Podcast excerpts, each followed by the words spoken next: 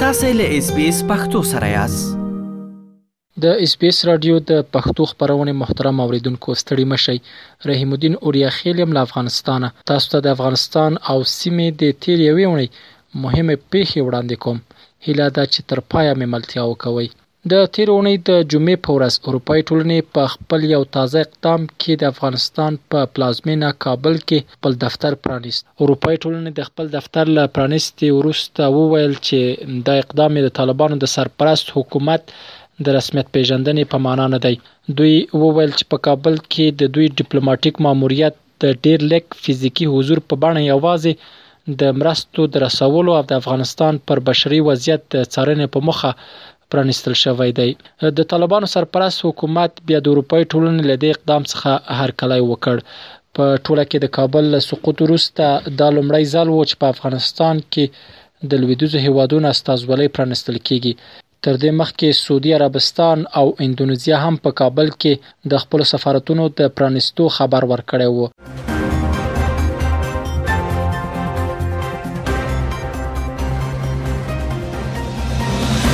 ناروې تېره اونۍ د درې ورځو لپاره د مدني ټولنې، طالبانو، امریکا او اروپايي هېوادونو د استازو د ناستې کوربتوب وکړ. په ناروې کې د اوسلو دا ناسته د تېرې اوونۍ د یکشنبې په ورځ پرانیستل شوه او د سه شنبې په ورځ د سلواغې په پنځمه نېټه پای ته ورسېده. د دې ناستې په لومړۍ ورځ د مدني ټولنې استازو له طالبانو سره وکتل، په دوهمه ورځ د لوېدیځو هېوادونو استازو له طالبانو سره خبرې وکړې او همدا راز په درېیمه ورځ د طالب پلاوي او د لوېدیځو هېوادونو او نړیوالو سازمانونو د استازو ترمنځ دوه اړخیزې ناستې ترسره شوې. د ناروې د بهرنیو چارو وزیرې له طالبانو سره په دې ناسته کې خبرې اترې چې ډیری کسان پرې نیوکه هم وکړه، یوه ښه پایله وبلله. هغې وویل چې په دې ناسته کې له طالبانو د نجونو لپاره د ښونځیو د پرانیستلو، خدماتو، خوړو، دولتي خدماتو ته د لاسرسي او همدارز د بشري حقونو د رعایتولو غوښتنه وکړه. طالبانو هم دا ناسته یوه لویه لاسته راوړنه وبلله او هغه یې د نړیوالې ټولنې له خوا په رسمیت د طالبانو د حاکمیت د پېژندلو لپاره یو ګام وباله. خو د ناروې حکومت بیا ټینګار وکړ چې له طالبانو سره خبرې په رسمیت د طالبانو د پېژندلو او هغوی ته د مشروعیت د ورکولو په مانا نه دي. اخوا اروپايي ټولنې او امریکا بیا تر دې ناستې وروسته یوه ګډه اعلامیه خپره کړه او هغه کې ټینګار کړی و چې دوی په افغانستان کې د یو ټولشموله حکومت او دایمي ثبات غوښتونکي دي.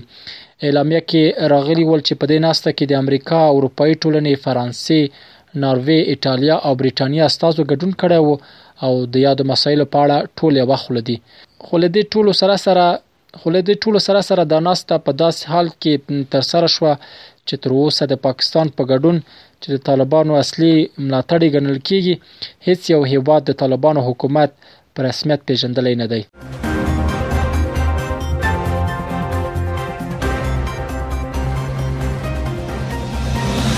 د اسیا پراختي بانک د تیر اونۍ د سه شنبه په ورځ خبر ورکړ چې افغانانو سره د 315 میلیون ډالر مرسته کوي دوی په خپل راپور کې وویل چې دا مرستې به د ملګرو ملتونو د څلورو بنسټونو له لوري چې اوس مهال په افغانستان کې په فعالیت بوخت دي ولګول شي.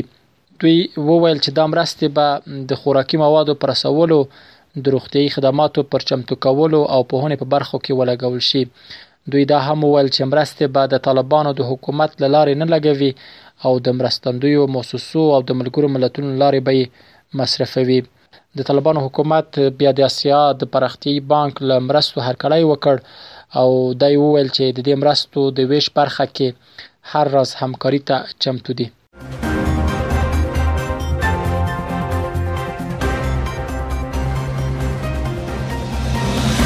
افغانستان بیا هم د نړۍ د اوو فاسدو دولتونو په کتار کې ځای ونیو. د شفافیت نړیوالې ادارې دوه زره او یوویشتم کال د راپور په اساس افغانستان د فساد سره په مبارزه کې د نړۍ د یو سلو اتیا هېوادونو په ډله کې په یو سلو څلورویوم مقام کې ځای لري.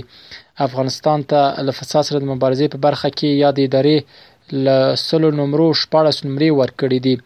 تر دې وړاندې افغانستان په دوه زره او شلم کال کې د دغه لېست په یو سل او پنځه شپېتم مقام کې او په دوه زره او نولسم کې بیا په یو سل او درې اویایم مقام کې ځای درلود. د افغانستان ګاونډیان ایران او تاجکستان د یو سل اتیا هېوادونو په ډله کې په یو سل او پنځوسم، پاکستان او ازبکستان په یو سل او څلوېښتم، او ترکمنستان بیا په یو سل او نهه شپېتم مقامونو کې دي.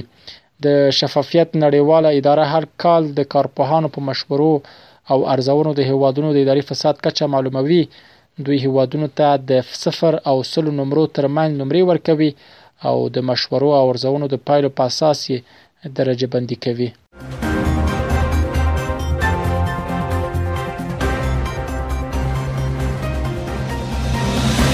د ملګرو ملتونو د امنیت شورا د تیرې اونۍ د چهار شنبې په ورځ د افغانستان په اړه غونډه وکړه.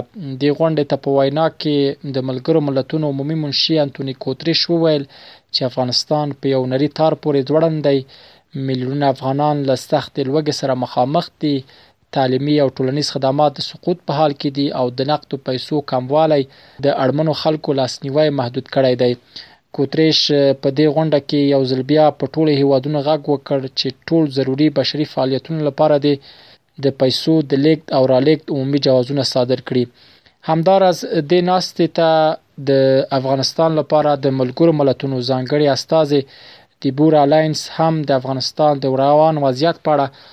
خپل راپور وړاندې کړ. هغې په خپل راپور کې وویل چې د دوه زره او یوویشتم کال تر پایه یې اتلس میلیونه افغانانو سره مرستې کړي. دیبورا لینس له افغانانو سره په بشري مرستو ټینګار وکړ او له نړیوالې ټولنې او له نړیوالې ټولنې څخه یې مننه وکړه چې په سختو حالاتو کې له افغانانو سره مرستې کوي. بله موضوع دا چې په دې ناسته کې د ملګرو ملتونو د امنیت شورا له افغانستان سره د مرستو رسولو په تړاو یوه نوې تګلاره هم اعلان کړه. دا تګلاره چې انتقالي تعامل نوم ورته ورکړل شو، پر بنسټ یې ملګري ملتونه له افغانستان سره د مرستو رسولو لپاره لا ډېرې پیسې راټولولی شي. د ملګرو ملتونو امنیت شورا وویل چې د دې تګلارې د عملي کولو په پار اته میلیارد ډالرو ته اړتیا ده څو وکولای شي په افغانستان کې د خلکو د ژغورنې او شته ستونزو د بنسټیز حل لپاره لاس په کار شي.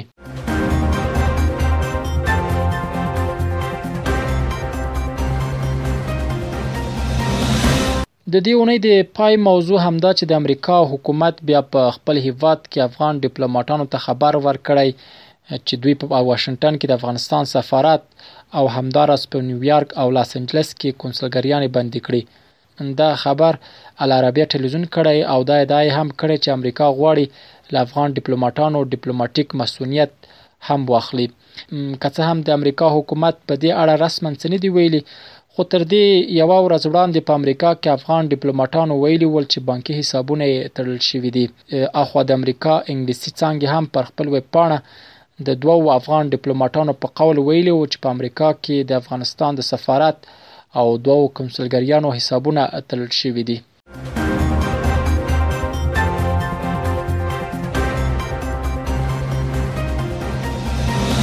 دا ول د افغانستان او سیمې د تیر یوې اونۍ مهمه پیښې چې ما تاسو ته وړاندې کړې تر بیا خې چاره که غواړئ دغه سنوري کیسې هم او رینو د خپل پودکاسټ ګوګل پودکاسټ یا هم د خپل خاكي پر پودکاسټ یو اورئ